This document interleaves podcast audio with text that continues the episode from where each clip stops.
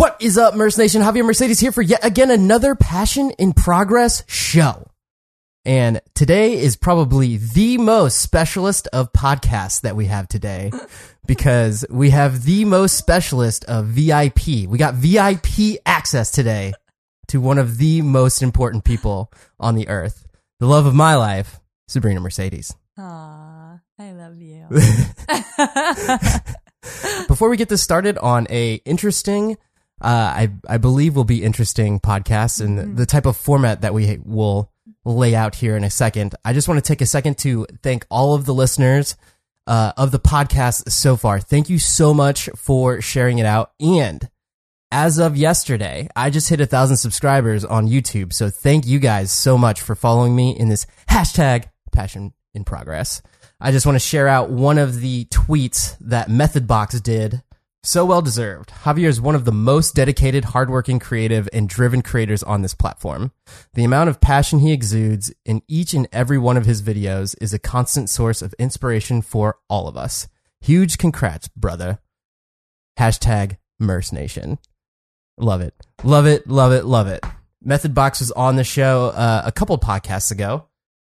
If you want to check them out, if you want to support the podcast, you could share it out and tweet it to a friend, just like Method Box did, or uh, you know, share it on Facebook. You could text it to a friend, or you could write it on a handwritten letter for all of those Christmas cards that you have coming up. Just put, "Hey, you should check out Passion in Progress with Javier Mercedes" on those Christmas cards. And if you really love the show, you can support me on Patreon. Patreon.com backslash Javier Mercedes. We have here Sabrina. Hi I'm going to take these headphones off. Do you want to explain what's going to happen? Because I, I believe this is going to be some sort of AMA or Ask Me Anything type of thing. But since Thanksgiving is here, I believe this is going to be a like a, a family oriented one. Can you explain what you did? we were trying to figure out what a cool podcast episode might look like for this week of Thanksgiving, um, a time of reflection and being with family and friends.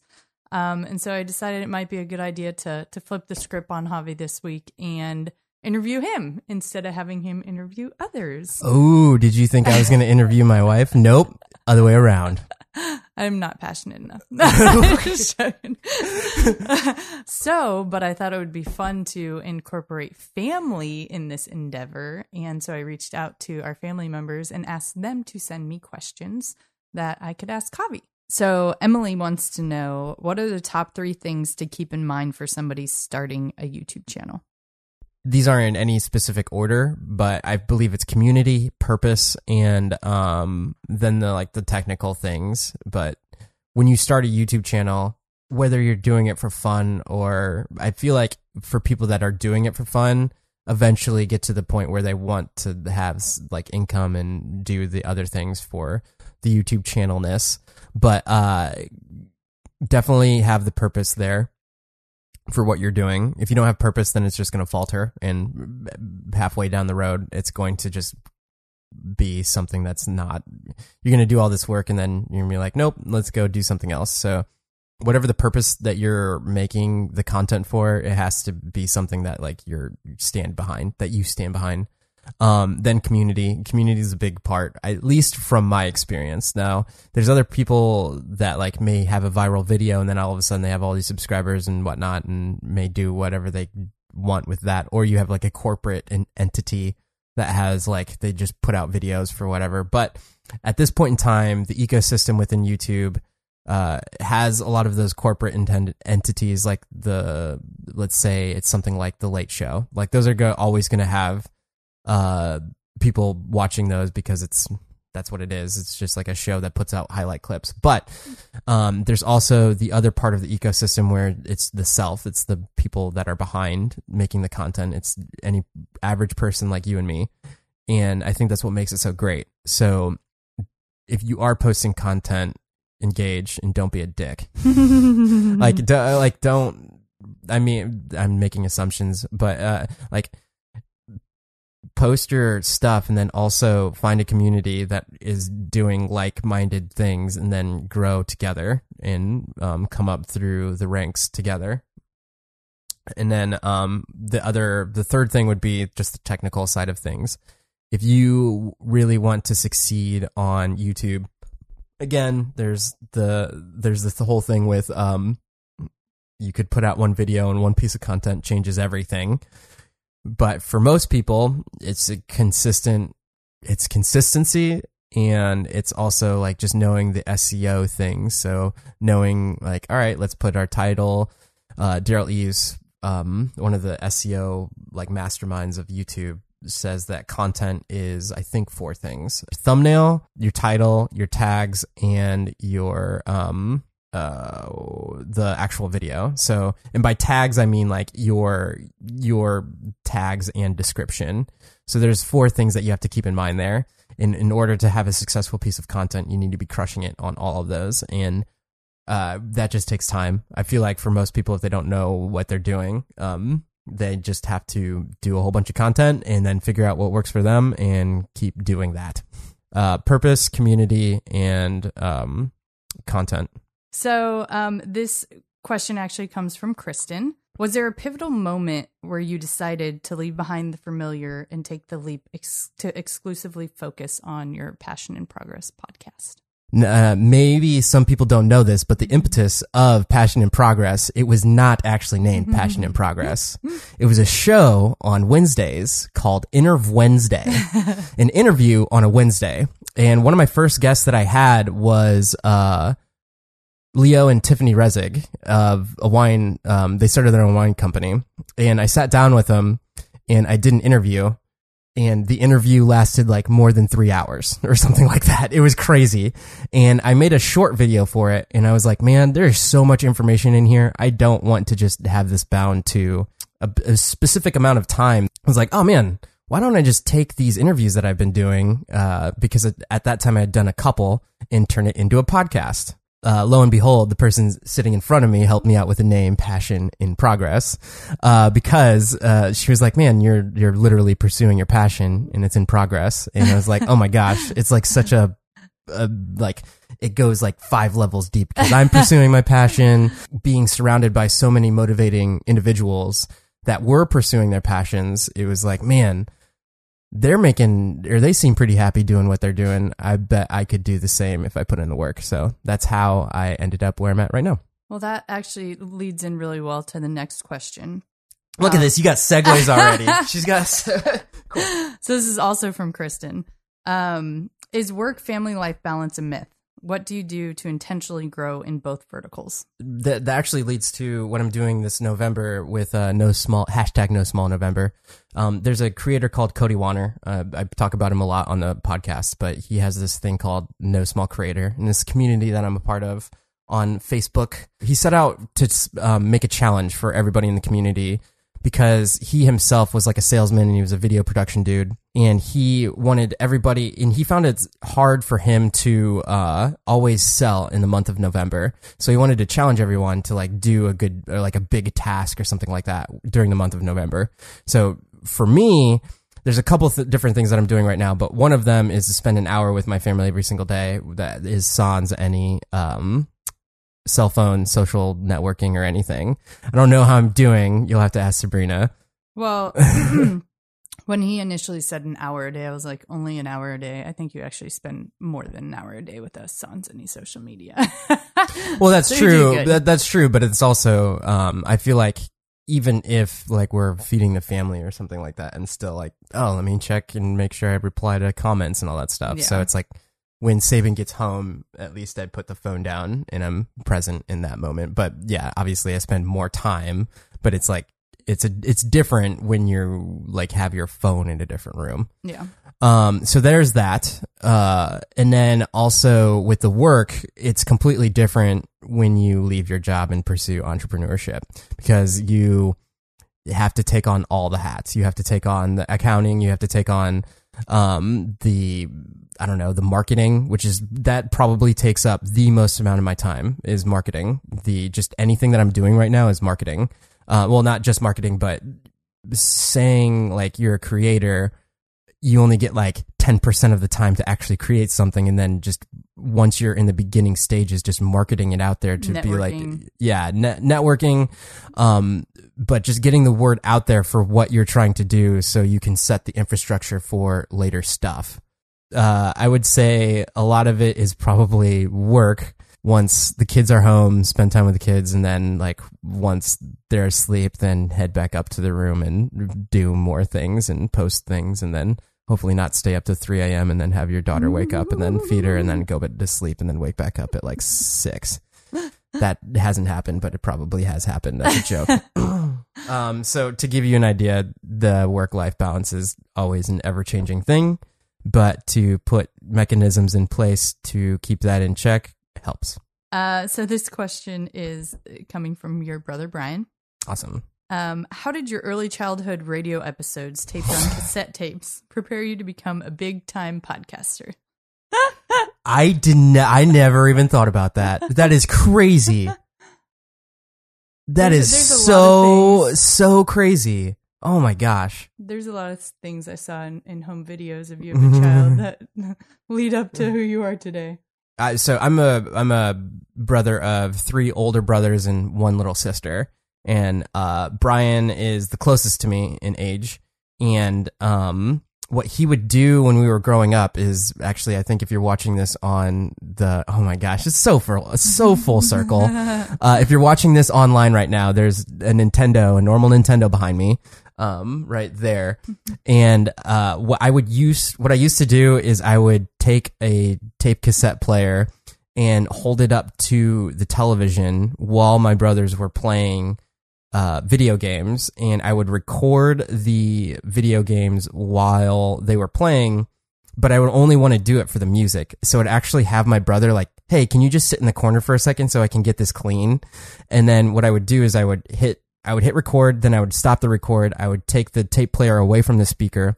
Then I would like go up to the uh back then there were actual microphones on the tape recorders and I would like hit record on the tape recorder and be like, that was Tasmanian Devil, or that was Mega Man X, level five, boss three, 8A, because like back then they had all these things uh, in the menu system where they didn't really label them too well. But that's what I would do. Uh, and it, I would create whole mixtapes of that. So I, my brothers would play video games and I would record them. It was kind of like a version of Twitch nowadays, nowadays. And I would, um, just do it via a radio station. So I would even interview my, oh gosh, I would even interview my brothers too. So like I would get play by play in between. I'd be like, oh, hey, hey, Javier, or hey, Brian, like, how is the, uh, how is that boss? And he'd be like, he's very dumb. and then like I would, I would try and get more out of the conversation, but that was about it. Uh, but I have, I know I still have about four tapes, uh, that are still in like existence somewhere with me. Maybe, just maybe that's something I should record on to digital and put that on Patreon for all my patrons. if they would like to hear that, I should make a digital version of that. yes. They're amazing. I've heard them. So, uh, if you want to listen to like a five year old version of me doing a radio show with normal Nintendo games, uh, that may just happen. Skipping a whole bunch in between, uh, I guess that was my first versions of doing, um, a podcast. Yeah, I, I remember when I first heard one of those uh, recordings, and it literally blew my mind because at the time you were sound engineer for Doppler, and you were literally listening to Nintendo music and like Mhm. critiquing the Nintendo music in your audio tapes from when you were three years old. yes. That being said, I just made a, uh, I just made four years ago. I made a mashup of 2 Chainz and a chiptune artist called Zeph, and I retweeted it out because I didn't, I didn't even know what Twitter was four years ago. But I we, I retweeted it out, and the guy actually has like a significant following on Twitter, and he was like, "What? This has been on the internet for four years, and I've never seen it before." And he like private messaged me, and he was like, "Hey, how do I, how do I get this? Can I please have that?" 2 Chainz didn't respond, but I'm, I'm still waiting for 2 Chainz. Come on, man. Come on, we got to get you on the podcast. Yes. Do you still renew your annual membership to Brian's Club? this is all just going to be like inside joke stuff where I have to explain inside jokes. Awesome inside joke. uh, all right. So back, uh, back in the day, uh, my dad's half the family lives in New York City and I would go, I, I was a, a, a little a little bunion at the time. That's a term. and uh, what we would do is either every Christmas or Thanksgiving, we would go visit our family in New York City. And while we were going, we had the old school, the amazing. I don't even know if anybody listening. Well, actually, I bet people listening to the podcast would get it. The old GMC vans, the ones like where you could kind of like walk around in the back, and then if the you could like put a table in the middle and like play poker if you wanted to. There were some legit uh, vans, but the back seat folded down into a bed and on our trips to New York City from uh, Fort Wayne, Indiana, where I grew up, it would be more than a day to uh, do that trip. We would do this thing called Brian's Club, where my brother Brian would be like a, a fitness instructor, and he would basically just like give us a boot camp in the back of the car uh, while we were driving down the highway may or may not have been wearing seatbelts like the whole time, but I feel like this was a different day and Never to wear age. uh, uh, but it was so cool because back there, uh, there was so much space, especially when you're a little kid. and you can just do like sit ups and flips and somersaults and all that stuff. And uh, that's what we would do. Okay, so this question actually comes from your dad. What has been the most challenging aspect of starting your own podcast?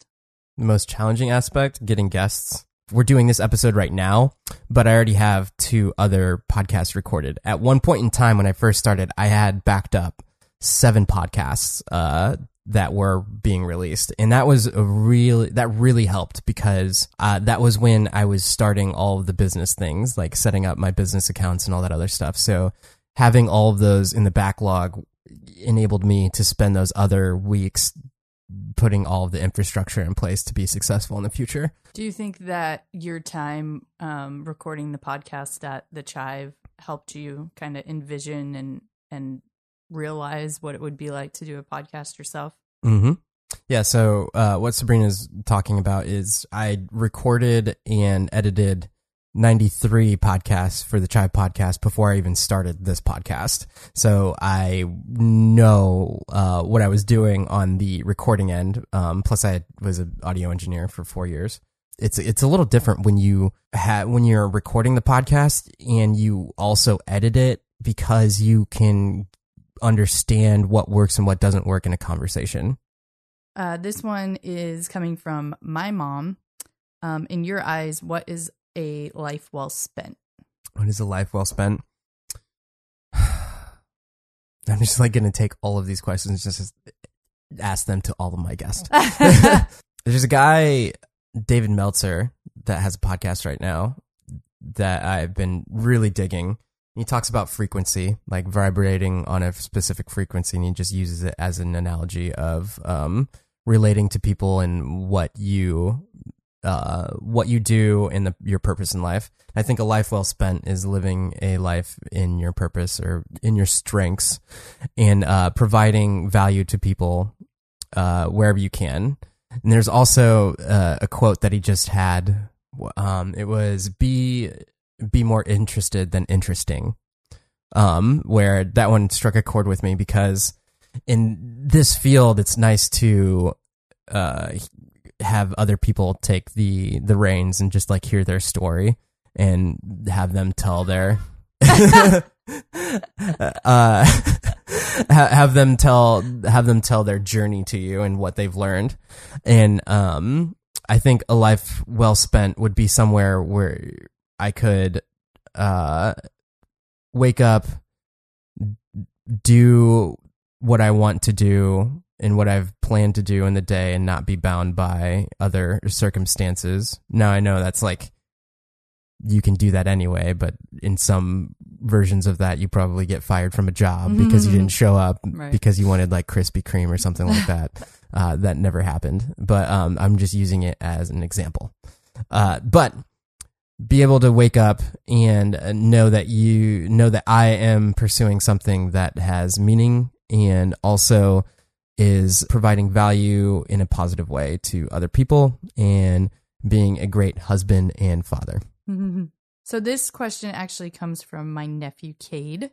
What was it like growing up in such a big household? Yeah, it was awesome.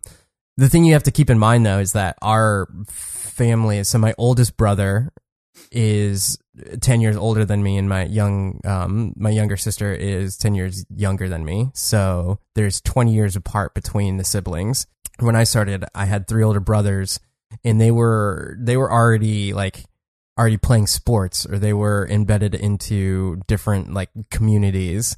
So when I would get to the age where I could participate in anything, they could already like embed me in those communities or they already like you get a lot of hand-me-downs um, but you also get to learn the ropes about a whole bunch of stuff and experiences before um, I want to say other people do Mm-hmm. uh, just because you're surrounded by individuals that have already done things. When you get to college, and then also when you go and uh, do real life things, having a support system there in siblings is like that's basically like how I got to where I'm at today. It's crazy how like all right, my brothers went to Dominican Republic for a couple of years. They just like sp- spent time there, came back to Atlanta and right on time for me to graduate. That way I could just move to Atlanta the day after Christmas and uh, bunk up with them Thank God. and and then and then get a uh, and then go pursue a job. And at the time, I was I did I was freelancing and I had like four different freelancing jobs um, that I would do. And from there, I would move on in different places in my life. And also, the job that I got at the Chive was due to one of my brothers already working there. So I want to say having older siblings, um, and again, brings it back to are already them already having experienced things and them being more financially into life than me uh definitely played a factor in my well-being and where I'm at today. Well, I'm very thankful for your siblings because I met his two older brothers, Mike and Brian, before I met him. And then they made a move to Atlanta. And then we met each other. And then we got married and lived happily ever after. There you go. So this uh, question comes from your little sister, Christina. She's the smartest and wisest of all of us because of that whole sibling thing. Like literally, she like anybody anytime somebody brings up my little sister, I'm like, she's so smart. Her, their little sister is like, I want to grow up to be like her. Yes, yeah. That's then that's not like a that's No, that's not a joke. That's a real amazing. thing. Yeah, if you want to know like the perfect human being, I I thought Javi was pretty close to the most perfect human being until I met his little sister, and she mm-hmm. literally is perfect. Yeah. but and she has a lot of good questions in here. But this, yeah, of course she does. But but this one is a funny one. If Javi was a Bavi, what would he be? so th- this is just me explaining inside jokes. I love it because that's like anytime I use my own humor, people don't get it because I'm using inside jokes and they haven't been there for the inside jokes. Uh, so anyhow, uh, what I would do with my little sister is I would say, "Hey, uh, Tina, if you were a Bina, what would you do?" And I would just constantly say that to her, just like nonstop. Like she would get home from school and be like, "Hey, Tina, if you were Bina, how would you be right now in life?" and that's all I would. That's basically that whole joke. And if I was a Bobby right now, I would just be like, "Hey Tina, if you were a Bina, what would you eat for two thirds of the way through the day?" so your mom actually had asked the question of how has your father being a successful musician influenced you in your career path? Well, both of my parents were super supportive. So, uh, what my dad would do is all all of our siblings were into sports, and then um, they would dabble in instruments. Like my brother Brian played drums for a little bit, but by the time I came around, it was like, oh, this is the this is the son that wants to like play like music and things like that. So I think um, there was some latching on to that, but uh, what what my dad would do is he would just always be playing his guitar uh, whenever we were doing anything. We didn't really watch much TV, or they they don't watch like any TV at all. And uh, my dad would always either put on salsa, merengue, or any of those kind of records, and he would play. Um, he would play to it, or he would just make up his own stuff. And he's one of those guys that can play music to, and like he can hear a song and then play it uh on the computer on the computer that's where that's where my brain's at he he can um he can listen to a song and then play it on the guitar no problem. So uh, I think growing up in that kind of household led to me wanting to do all of the music things. That and my brother's playing normal Nintendo music. For some reason, I'm really obsessed with chiptune music. uh, but it, I think it has to do with um, counterpoint and melody and harmony because, like in chiptune music, you can have a melody that's just one instrument and then there's a counter melody to it that's another instrument and it has to be so simple but then it has to like melodically it has to hold your interest um that's a tangent. Don't care. Uh but yeah my my dad was awesome at all the instruments and then super supportive put me in the piano lessons. And then from there I just took off and did all the other things. You you talked a little bit about um being in a garage band. And uh, Missy, your sister in law, wants to know if Groove Shelter is going to do a greatest hits CD. My high school band, Groove Shelter, we came out with two CDs, and I don't think we actually released our third CD, but it was it was a it was a hoot. Which CD is the one that your mom has a box full of still at home? That was our second one, Rise to Power.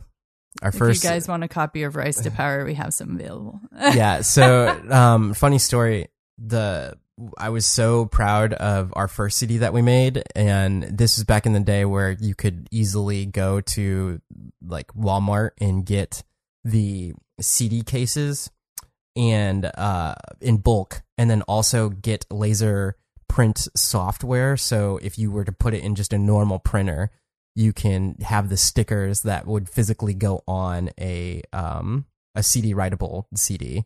I remember like seeing whole aisles full of CDRs back when like Napster and LimeWire were the thing. Yeah. We spent like a whole year or like a year and a half making an album.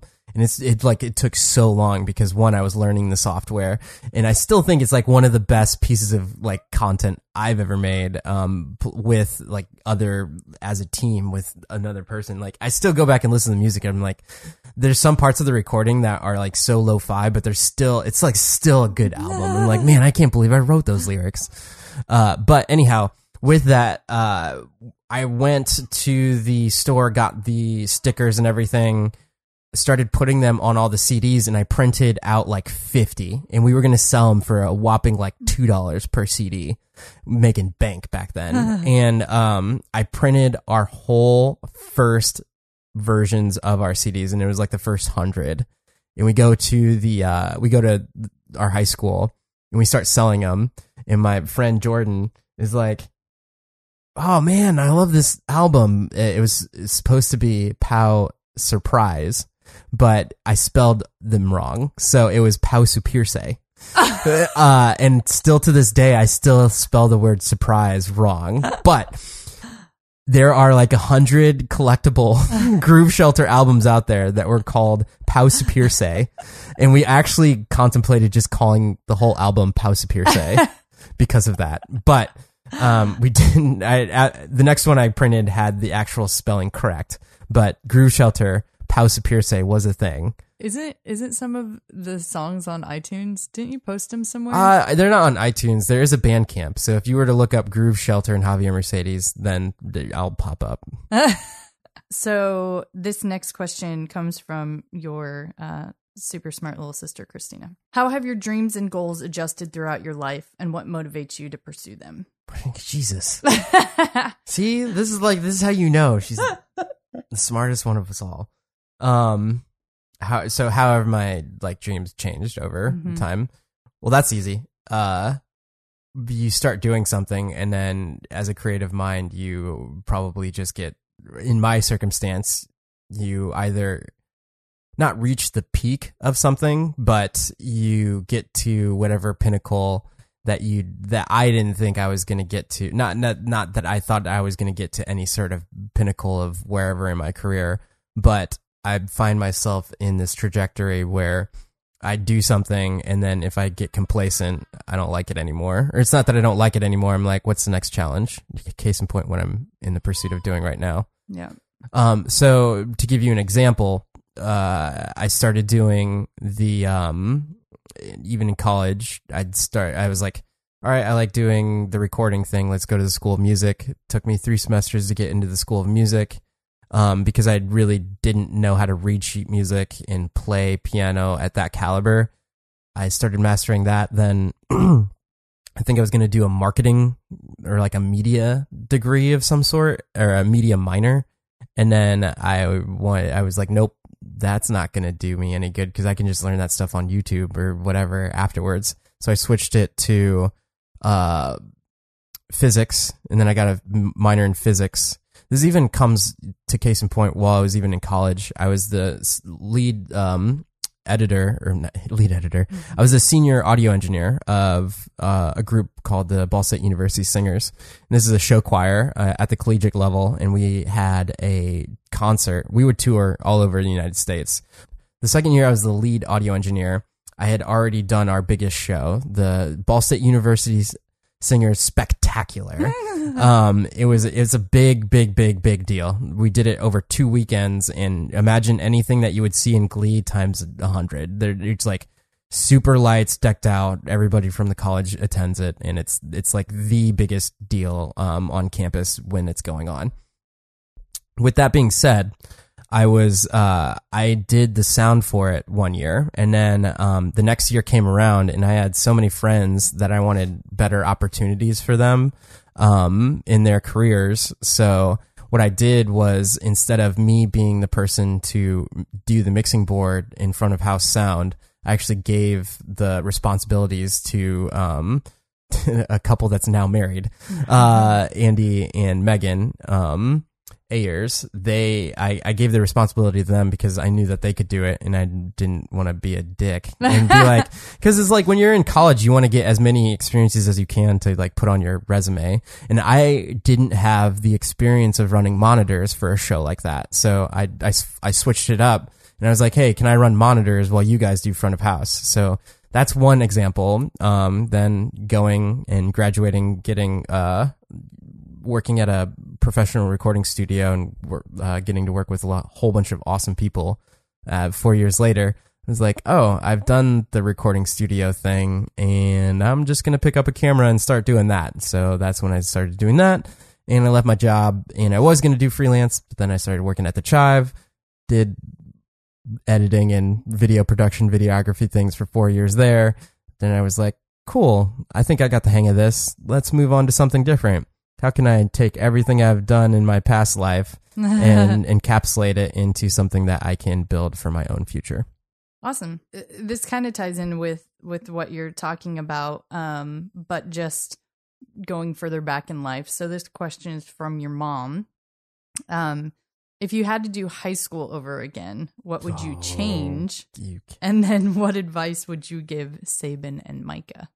If I had to do high school over again, I wouldn't change anything. It was like amazing. I think the um one of the best things about high school is well and from my experience was the, the being able to play and do all of the um sports with like the extra curricular to activities and all that stuff with your friends and build, having like a team development thing. Why do you think she's asking you that question though? Uh i don't i'm not sure. Like do you want me to attend high school again? No no no. Because you've spoken a lot about um a lot about how you weren't as driven in high school. So you weren't that great of a student in high school. You didn't you know I, try you, that's hard. funny that's funny that you bring that up because i wouldn't even like literally i wouldn't change that because like that was the thing. Like i feel like people have to fail in order to like or like get knocked down on their ass in order to like do something. And if I didn't, if I wasn't, um, who would have known what would happen if I would have gotten complacent and I, when I went to college and I didn't, or like I already knew how to go and play the instruments and everything. Maybe I would be even further in life. I don't know. Uh, but I think I I was like an average student in high school, but I also know that I spent more time having life experiences like with my friends and everything, and then that obviously talking about the groove shelter and all that other stuff. That's what cultivated me to who I am today. I wouldn't change anything. I totally agree. I feel like you know you can have a lot of regrets in life, but it doesn't, in my mind, make a lot of sense to have regrets because you learn from those experiences, and they're basically what mold you to be who you are today as long as you're not a dick, then you probably did something good with yeah. those experiences. This one is from your son. Do you like tow trucks or trash trucks better? I didn't even know that he could speak, or I didn't even know that he could write by now. So, um, probably trucks.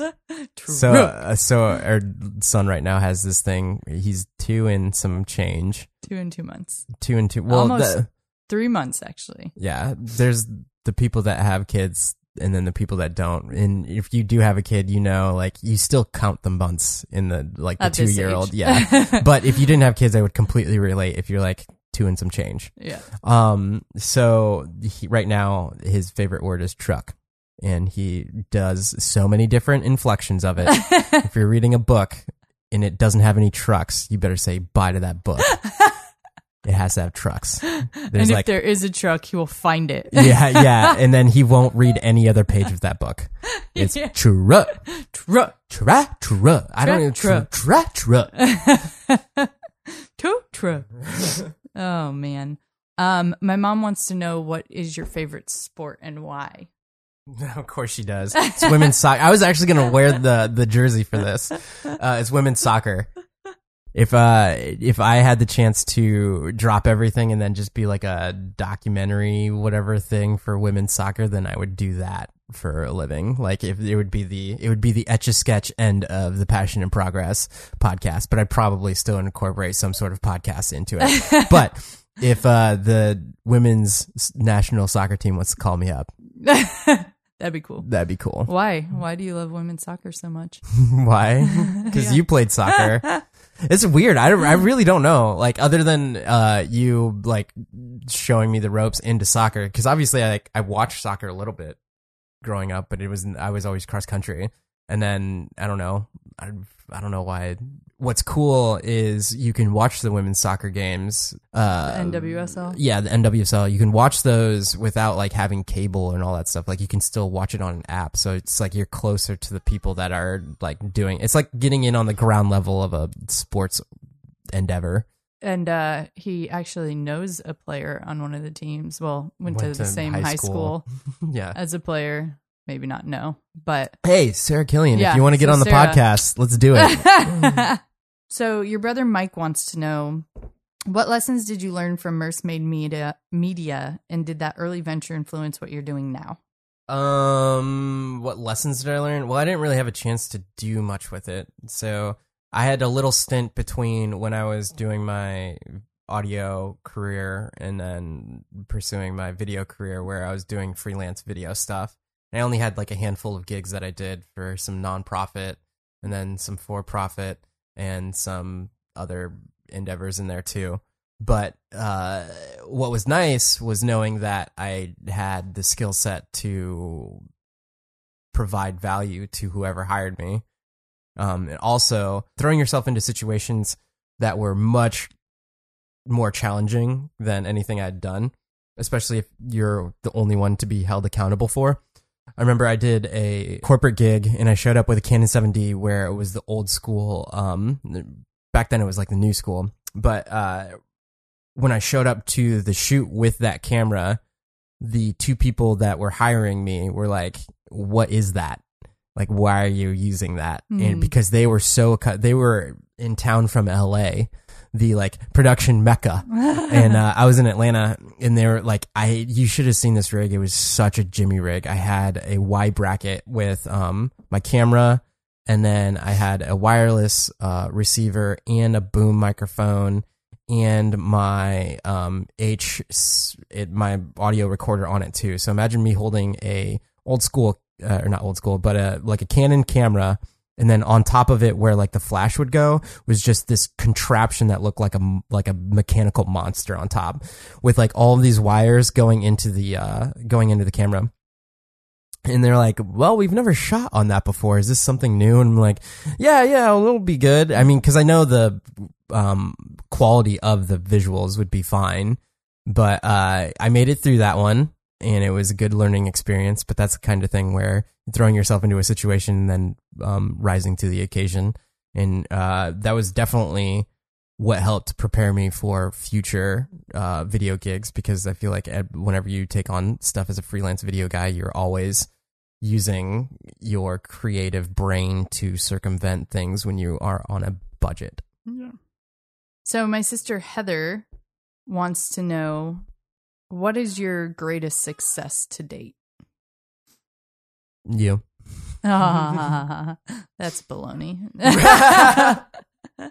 it's Micah and Sabin. Well, they couldn't have been there without you. I want to know how you're so good at making the cutest babies on the planet.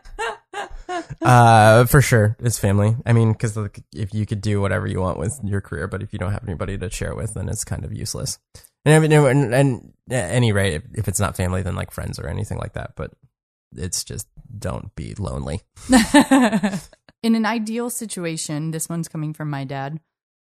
What would you envision your business looking like in three to four years? Uh, being able to do anything that I want to creatively without being bound by the business end of it. There's a guy that we interviewed at the Chive that works for Blackout Signs that I want to get on the podcast. Uh, Jay is his name and his wife does all the I'm not um talking about you doing stuff but I'm uh, his wife does all like the business things and like when we did an interview with him one of the questions we asked was similar to that. And he was like I would be dead in the water if it wasn't for my wife like doing the um the business end cuz all I want to do is like the the creative stuff. And I did this also touched on the um this same subject with uh Amber Griffin the makeup artist and she she was like all i want to do is just like make up and draw and like i just want to do that. Yeah. so uh, a business to me um three or four year whatever down the line would be something where it's streamlined um obviously still challenging but challenging in the way that it's challenging me creatively not businessly. Um that's what would be nice you know, if you didn't have to start out doing the business stuff, would you have preferred doing it that way, or do you think it's good that you've learned all of that stuff? And- Oh yeah, for sure. I th- I think it's better to uh, learn all of the aspects of what goes on because who knows what happens if you're like, all right, what's your profit loss margins and all that stuff. Obviously, I'm not to that point yet, but like, like I know that there's a column in QuickBooks about that. so uh, we'll see. And not only that, but I feel like it teaches you um, the trial by fire in terms of being a salesman. Like, are you providing something that's so valuable that people will pay for it? Right. um that whole that whole endeavor. So that I mean that's only one aspect of it though too. But the the like I said before the whole marketing thing, like I wouldn't have um now I know like oh if I hired somebody let's follow this cheat sheet for whenever I make a piece of content, let's do all of these things and then put them in this kind of way and have that be the way that the content is spread across the internet. Um that whole thing cuz now I know all that kind of stuff. But if I just started doing creative things, then I don't know that. But that also begs the question, like, oh, if you just had all the time in the world to just like make the videos that you wanted to, where would that lead to? Like, oh, if I mm-hmm. had, if I woke up and all I had to do was like make a video and record myself and then just like edit it and post it, then that would be, and I knew people would watch it, then that would be a completely different thing. Like maybe, maybe that's the, I don't know. I don't know. But I'm glad I know the things now. I think the other thing too with that business wise is to set myself up in a way that I have enough time to spend with the family where I'm not like always doing other stuff that's the marketing of the um of the material.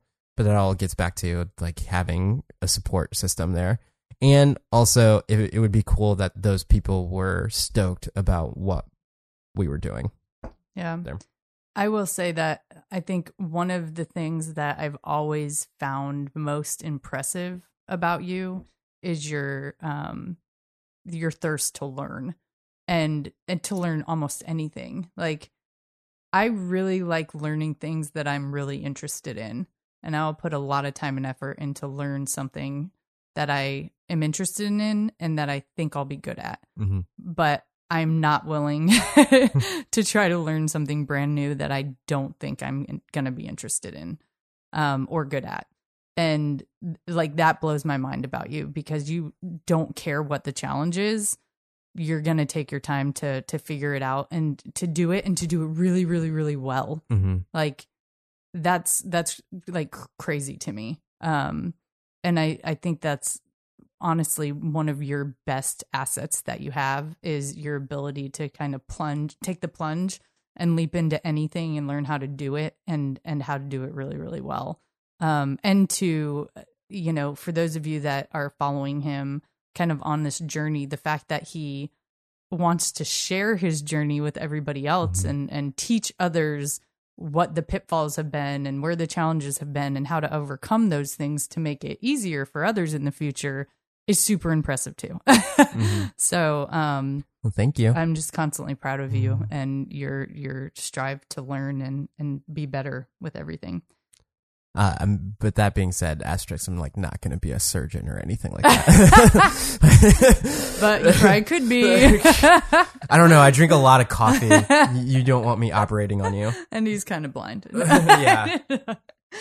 Emily wants to know which recipe from the Gordon Ramsay cookbook is a must try.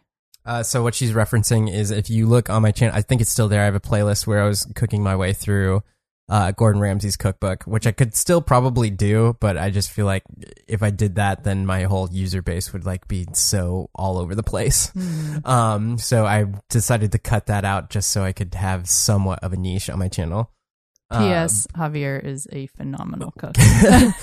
so um so I was cooking my way through Gordon Ramsay's cookbook and uh I would say my favorite ones were that black bean dip oh yes. the black bean dip and the corn chowder thing Mm. but it's not necessarily that it tastes good it's because anything that you cook from that book I would say a vast majority of the things that I cooked from that book while I was doing it taught me a new skill set to be able to cook anything with those same ingredients. So if you want to get really good at cooking, all I'll say is grab a cookbook.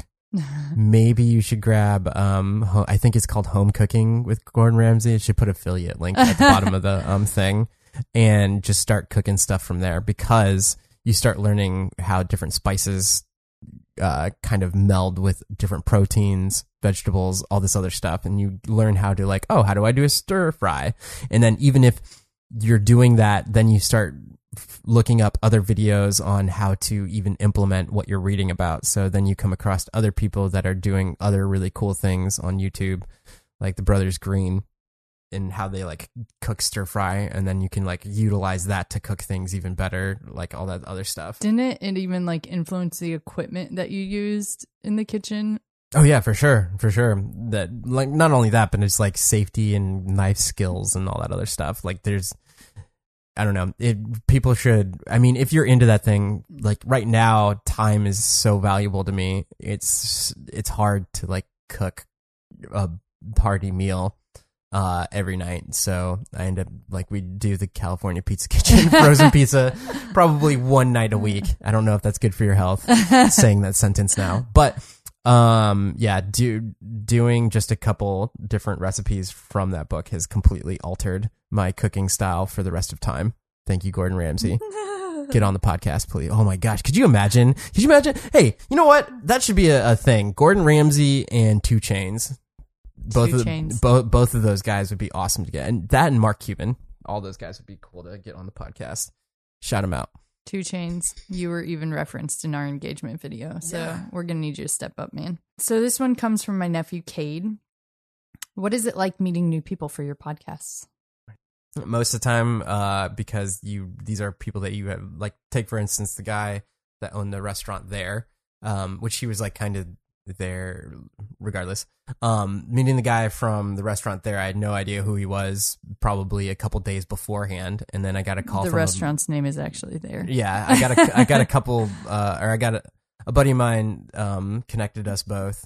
And then we just ended up doing a podcast and i like didn't know much about him. And then my mind was blown like oh my gosh this guy's had this past. And then i mean also with like mike johnson and atl if, like doing the podcast with him now have a relationship with somebody that has like a recording studio and is doing radio things and is encouraging me on this endeavor um but i didn't know anything about him. And then now i know things about him.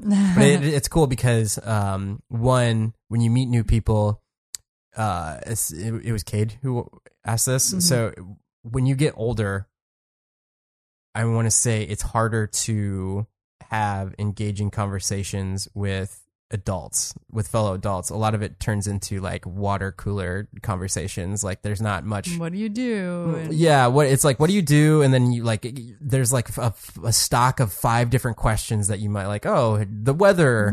Like it's snowpocalypse outside. Yeah. you're like oh man those i don't know whatever. Uh but um having a system in place like a podcast gives you a um an engine to have meaningful conversations with people that you've just met um that are pursuing the passions and being inspiring and all that other stuff. Like you get to hear their story and sit down for an hour and some change and just get to know who they actually are as opposed to at a bar trying to speak over the speakers and all of the other things going on and just knowing that they like smear it off or something like that or di- or dislike it or whatever that may be um so this one is from um our niece Briley. What is something that you failed at trying to make your videos? Uh, it's story. It's it's always story. Trying to create a story with whatever video content you're making, and this gets all the way down to vlogging. Like, there's many times when we spent time with Briley and Cade where I was filming everything, and then you get to home and you're tired and you don't want to like like oh what am I gonna do with this footage? Well, then it just sticks on your it just sits on your um hard drive for forever, and then you don't do anything with it. It's like literally I, I would say kind of failing at story, but it's it's from the uh from the standpoint of or from the perspective of doing a quantity of videos where you can keep getting better and better and better and better and better at telling stories because if you're not good at that then nobody's going to sit there and watch the videos because they're just not going to be into it. So for sure it is story and that's that's the story. That's the story. What has been your happiest moment in life? Happiest moment in life marrying you. It's a really good answer. yeah, I mean, it's serious. It's like, what are you gonna do if you don't like? Um, I don't know. If you're spending your whole life with someone and then you like hate your life, that kind of sounds like a life not worth living. Um, but yeah, legitly being surrounded by somebody that's the most encouraging person ever while they're pursuing their passions on, and they're in progress of, uh, living a more purposeful life, having somebody there to motivate them or motivate myself, uh, and keep on trucking is, uh, the thing. Truck. Tr- yeah, full circle, full circle. But yeah, man, wedding. Well, good because we share that. Mhm. Well, not only that, but I mean, I think the other cool thing about weddings is that you, I think, I, I know we always talk about this whenever the wedding comes up, but like you get to, it's like a meeting of all the different cultures that you've been a part of in your Mhm. whole life. Like when you marry someone and you have the wedding, uh, just speaking from our personal experience, it's like, oh, there's our friends from this like pocket of our lives, and here's the friends from that pocket of, and here's the family from like that part of wherever, and those people are flying in from that place, and then they all get to meet each other, and you have like a grand old time. yeah, it it truly is like being totally surrounded by people that love and care about you, and a cultivation of of happiness in one day. Yeah, it, well, it's kind of lost within like so like the wedding day is nice, uh, but I, I want to say it's the whole like however long the experience lasts. It's like that whole experience because the actual day of the ceremony, like the dancing's nice, but like the actual day of just things going on, I want to say like the bride and groom just don't get any time to actually. there's too much I, I preparation. feel I- yeah, I feel like the the actual time of the cele- the um ceremony and all that other stuff is e- and even during the actual um ceremony or the actual like wedding reception is more spent uh engaging with the other people and also it's like a whole bunch of like other things going on Mhm. um that you're that you're talking to other people and it, it goes so fast that you don't like unless you have like a video or anything of it like you don't really remember much yeah. but I want to say it's more like the day before the wedding when you get to like just hang out and like drink with all the other friends and then uh like the or the day but the day before the day where you're like you're still prepping and you like when you're it's like team building because maybe some of your um your friends and family are there like helping you make all of the like trinkets and doodads that go on the table and all that stuff like i feel like it's those moments that make the wedding experience not necessarily the actual like Yeah. beautiful looking wedding itself, which is amazing and awesome. But I think it's more an all encompassing, like even the day after when everybody's like hungover or whatever, and then they all go out to breakfast and because you, once once the actual day you have like so many responsibilities, even though people come up to you and they're like, "What are you doing? You shouldn't be re- responsible for this." Blah blah blah blah blah, and you're like, "Well, that's cool. Good thing nobody's gonna get the Chipotle because we didn't like get the thing." like like like like it's when you don't have the responsibilities. Um, that's like that's when you can just like hang out and do things. By the way, we had Chipotle for our wedding, so that was cool. For our- Sponsor us, our, sponsor uh, podcast. Chipotle. for a rehearsal dinner. hmm It was a, a Chipotle fail that turned into an ex- a success. We were all right. Great customer service at Chipotle. Yeah. Okay, two more questions. Um, one is from Briley, and how is it being a father of two versus a father of just one? Now that you've been a father of two for The practical, literally, weeks. the practical thing is uh, both Sabrina and I would switch off days that we would be taking care, that we would wake up with um, our first kid, Sabin. And now that just doesn't happen. Like that's the pra- like that's the main difference at this point in time. Uh, obviously, it's like less sleep, but it's like, all right, now if one parent's hands are free, they're not really because they're taking care of the other kid. just from a practical standpoint, do I need to say like emotionally? yes. Uh, so having two kids, uh, I think one of the things that we were worried about was being able to spread the love between both kids, but I don't think that's really a factor. Um, once you have the two kids, because both of them, um, you love them just as much as each kid individually, and you try and spend as much time with both of them, and you give all the kisses. All the kisses. Even the like when you get to two years old and you, you just have all slobber and snotty things, you're like, oh wait, can I still get a kiss? yes. Trash truck. And when their answer is no to every question you ask them, You still give them. No. You still give them kisses. all the kisses. So, last question. Being that it is Thanksgiving week, what are you most thankful for? All these questions are just straight up like, well, my family. family is the answer to a lot of these because it's the cornerstone of everything that you're doing. They're supporting you or supporting me through everything I'm doing. And I think that's like one of the biggest factors. And it all comes down to like once you do something and you achieve some sort of success, then what does it mean if you don't have anybody to share it with? I like it. Go team. Go and by team, I mean Merce Nation. And by Merce Nation, I mean Mercedes family. If you liked this podcast, um, if you made it this far into the podcast, thank you so much uh, for. I mean, you must be a diehard fan of me, um, and I hope you learned or, I guess, got something from my past experiences in life. But uh, if you could leave me a review on iTunes or share it out with a friend.